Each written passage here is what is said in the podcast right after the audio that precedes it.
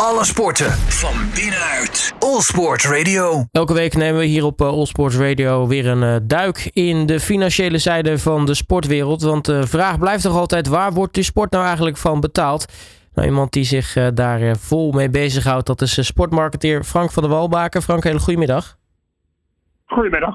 Um, ja, we komen er natuurlijk niet aan. Het WK is inmiddels uh, begonnen in Qatar. Dus laten we uh, daarmee beginnen. Want uh, nou ja, als we dan misschien niet wedstrijd inhoudelijk kijken, maar meer naar de, de randzaken die om het WK heen houden. Dat zijn er best wel veel, komen er afgelopen dagen we achter.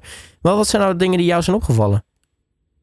Ja, in de eerste plaats is het wel frappant. En dat is misschien niet alleen geldend voor Engeland, maar voor vele landen. Want een, studie in Engeland heeft uitgewezen dat 34% van de Engeland-fans van plan zijn minder naar het wereldkampioenschap te zullen kijken dan het vorige WK. Ik heb daar een beetje twijfels over hoor. Want als Engeland blijft winnen, zitten ze mijn inziens allemaal weer voor de buis. Maar dat even als een terzijde. Maar over dat Qatar gesproken, over dat WK daar.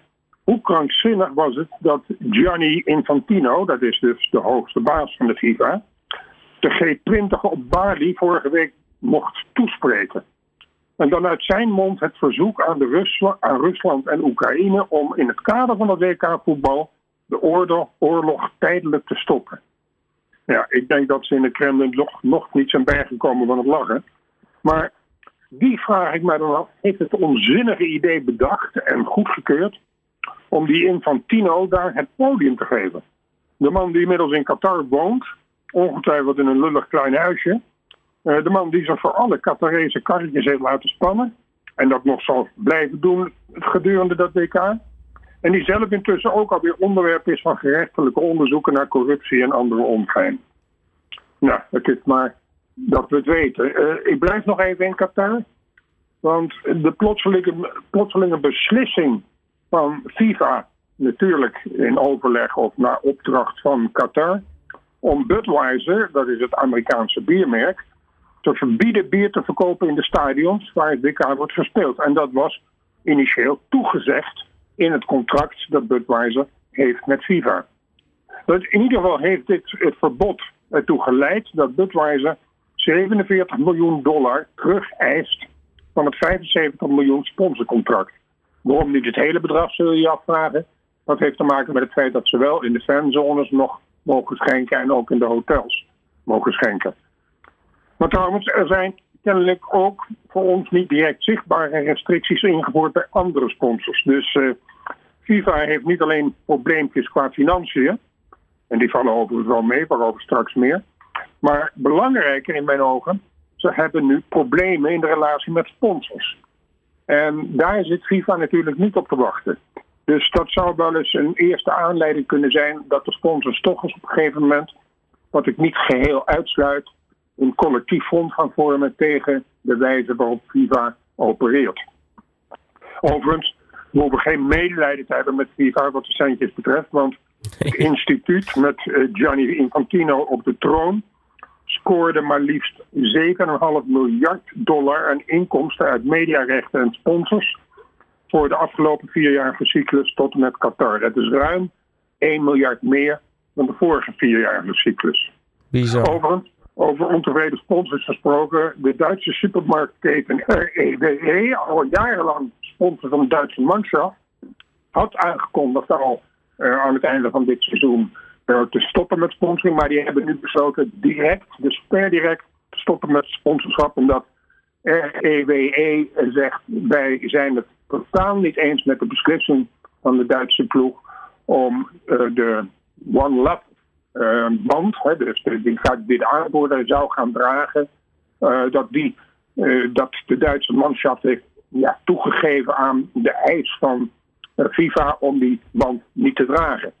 Um, nou is het zo dat ik daar ook wel een mening over. Kijk, kijk, ik begrijp als geen ander, denk ik, dat de coach en de spelers van alle teams zeggen: wij hebben geen gezeur aan de kop, we zijn hier om te voetballen. En elk procent van onrust in de ploeg kan leiden dat we niet het podium halen. Uh, dus dat de, de, coaches en de aanvoerders zeggen: laten we ophouden met dat gezeur. Aan de andere kant denk ik, en ik ben benieuwd naar jouw mening, Robert. Stel nou dat die acht landen die hadden besloten om die One Love band wel te dragen, als die collectief hadden besloten om dat toch te doen, tegen de wens van de FIFA in en tegen de eis van de FIFA in, van als jullie dat doen, krijgen jullie een gele kaart. Als die ploegen hadden besloten, dan doen we dat maar, dan allemaal maar een gele kaart. Dan denk ik dat de publieke opinie wereldwijd tegen FIFA zou zijn gekeerd. En dan zal FIFA echt een probleem hebben gehad. En Qatar dus ook. Dus uh, ja, het is, uh, het is de vraag. Maar uh, tenslotte hierover. Ik vond het wel weer creatief van de Duitse ploeg. Dat ze bij de elftalfoto allemaal de hand voor de mond leggen. Zo van zeggend, wij mogen niks zeggen. En dat vind ik dan wel weer een creatieve oplossing, waarmee ze toch iets hebben laten zien. En de Duitse minister van Binnenlandse Zaken, die op de tribune zat naast meneer Infantino, uh, die had wel die band om de arm. Vond ik ook echt wel opvallend. Ja, maar wat is jouw mening over die band, uh, die one band, uh, Robert? Nou, sowieso had ik het heel erg sterk gevonden, inderdaad, als ze ze hadden gedragen. Ik kan me ook aan de andere kant wel voorstellen dat je misschien zo vroeg in het toernooi al zoiets als een gele kaart niet, uh, niet wil veroorloven. Maar ja, ik had ook uh, iets gehoord over, uh, nou ja, heel simpel, weet ik veel, zet keeper in met een aanvoer met zo'n one love band. Die krijgt dan geel, haal hem na drie minuten eraf voor een andere keeper met een normale aanvoerdersband. En dan heb je, ben je toch gestart met die one love aanband en het heeft... Nou, misschien qua personele bezetting niet heel erg gek veel gevolgen. Um, maar ik hoorde aan de andere kant Lothar Matthäus weer zeggen in, in, in een interview vandaag dat, dat misschien een van de, de redenen dat Duitsland uh, gisteren die wedstrijd verloren heeft, is dat ze toch heel veel bezig zijn met, met de randzaken, met, met die gebaren en zo, in plaats van ook daadwerkelijk met het voetbal. En dat ze daardoor, mede daardoor, uh, misschien die wedstrijd verloren hebben. Maar ja, dit, dat vind ik eigenlijk ook wel een interessante uitspraak als een grootheid als Lothar Matthäus zoiets zegt. Klopt, klopt, ben ik met je eens. En dat, dat, daarom zeg ik ook, zit ik zelf ook in een spagaat dat ik de coaches en de, de en de ploegen begrijp dat ze zeggen geen gezeur aan ons kop. Uh, overigens ben ik benieuwd of uh, dit na het WK uh, nog een staartje krijgt. Kan de FIFA zoiets verbieden? dat, ze hebben nu allemaal gezegd tijdelijk van we stoppen ermee, we gaan gewoon voetballen en weg met die band. Ik, kan me, ik zou me kunnen voorstellen dat, dat er na het WK nog een een situatie ontstaat waarin het weer ter discussie wordt gesteld. Maar goed, dat even terzijde. Ik blijf nog even in het Midden-Oosten en eh, de sport. Mm -hmm. Wekelijks onderwerp. Vaak geldt vanuit landen als Qatar, Abu Dhabi, Dubai, Saudi-Arabië naar clubs in Europa of naar andere sporten. Om daar eigenaar van te worden van Paris Saint-Germain, Manchester City, Newcastle United en om er maar even drie te noemen. Maar er zijn meer wegen die naar Rome leiden, want Real Madrid heeft als hoofdsponsor, zoals je weet, Emirates. Uh, nou ja, die staat op heel veel shirts en zit in heel veel sporten. Uh, dat is een Dubai-based airline. En wat is dan logischer dat er een Real Madrid pretpark gaat komen in Dubai. Uh, eind 2023 is dan al de opening. En aangezien Emirates op de shirt staat van veel Europese topclubs, onder andere Benfica, AC Milan en Arsenal, zou dit wel eens tot een soort schaap over de dam effect kunnen leiden. Want Datzelfde geldt ook hè, dat, dat er dus pretparken gaan komen in al die landen. Maar datzelfde zou dan ook gelden voor Saudi-Arabië met Newcastle United. Voor Paris Saint-Germain en Qatar. En voor Manchester City en Abu Dhabi. Zo zie je dat het voetbal uh, nou, kan, kan tot veel leiden. We hebben een, een WK dat nu volop in het nieuws is. Maar als die pretparken gaan komen in die landen, dan gaat het voetbal in die landen wellicht nog meer leven. En dan ja, worden die clubs nog rijker dan ze al zijn. Maar ik vraag me dan heel erg af, wat voor attracties komen er dan in een Real Madrid pretpark? Is het dan een achtbaan waarmee je zo hard afgeschoten wordt dat je voelt alsof, alsof je een kopstoot krijgt van Zinedine Zidane? Wat moet je je voorstellen? Nou, ik denk dat het uh, vooral ook uh, digitaal gericht is, dat je beelden van vroeger kan oproepen. Ik denk dat je bijvoorbeeld dingen kan doen, penalty schieten en je de, de snelheid van de bal kunt meten. Dat je natuurlijk merchandising kan kopen uit allerlei soorten van petjes tot shirts tot schoenen, noem het allemaal maar op. Ik denk dat dat de hoofdmoot is. En dan met name de beelden van uh, mooie goals, mooie wedstrijden en het verleden. Uh, dat, dat, dat, omdat natuurlijk het verleden van voetbal in het Midden-Oosten zeer beperkt is. Uh, dat ze zich daarop zullen gaan focussen. Maar eigenlijk een soort museum dus? Ja, ik denk een, een soort digitaal museum. Nou, wie weet. We gaan het allemaal meemaken. Uh, blijf nog even in het voetbal. Want uh, de UEFA, uh, natuurlijk de Europese voetbalbond, die heeft boetes uitgedeeld om rode cijfers bij clubs. Ja, hoewel die, diezelfde UEFA tijdens de coronaperiode Financial Fair Play flink versoepelde, hebben toch acht clubs niet aan de spelregels voldaan, aan de financiële spelregels. Paris Saint-Germain, Olympique Marseille, Juventus, Inter, Besiktas, AS Roma, AS Monaco en AC Milan maakten grotere verliezen dan is toegestaan. Uh, dat blijkt uh, nu de UEFA alle cijfers op uh, over het 2021-2022 seizoen op een rijtje heeft gezet en gecontroleerd. ook nu is het ironische weer dat het geen enkele sportieve consequentie heeft.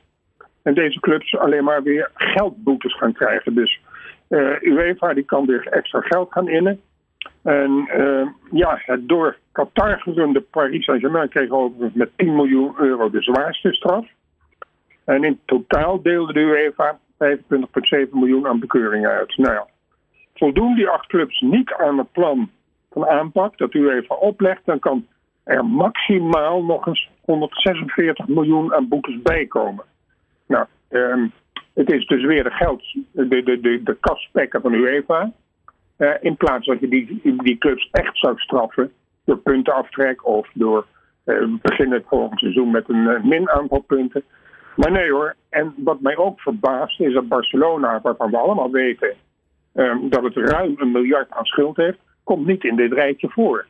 Dus de inconsequentie ligt op de loer, wat mij betreft. Ja, plus wat ik dan niet snap is, dan schrijft een club al rode cijfers. Nou ja, dat, kan om allerlei redenen zijn natuurlijk. Maar stel, uh, een club heeft het echt gewoon financieel zwaar gehad. En, uh, en ze hebben het moeilijk en ze schrijven daardoor rode cijfers. Gaan ze ook nog een geldboete opleggen. Dat, dat helpt de situatie dan niet echt. Nee, dat is niet een, het kan diensten zijn van je clubs of van de voetbal. Dat is gewoon puur weer je eigen kast spekken. Maar goed, dat, dat zal ons niet verbazen. Dat doet FIFA en dat doet UEFA. En daar zijn we intussen aan gewend. En dat is intussen wel een gevaar dat we eraan gewend raken. Maar het is niet anders. Precies. En dan uh, sluiten we af, eh, Frank, met een, uh, een onderzoek uh, uit, uit Amerika. Ja, het gerenommeerde zakenblad Forbes. Hè, de, een beetje vergelijkbaar met in ons land Quote. Hè, alleen maar over geld en over zaken doen. Mm -hmm. Maar dat, dat blad Forbes heeft berekend dat het befaamde CAA dat is een, een, bureau dat staat voor Creative Artists Agency. Ontstaan in eerste instantie van het uh, behartigen van de zaken van filmsterren. Heeft een aantal jaren geleden ook de overstap gemaakt naar de sportsterren.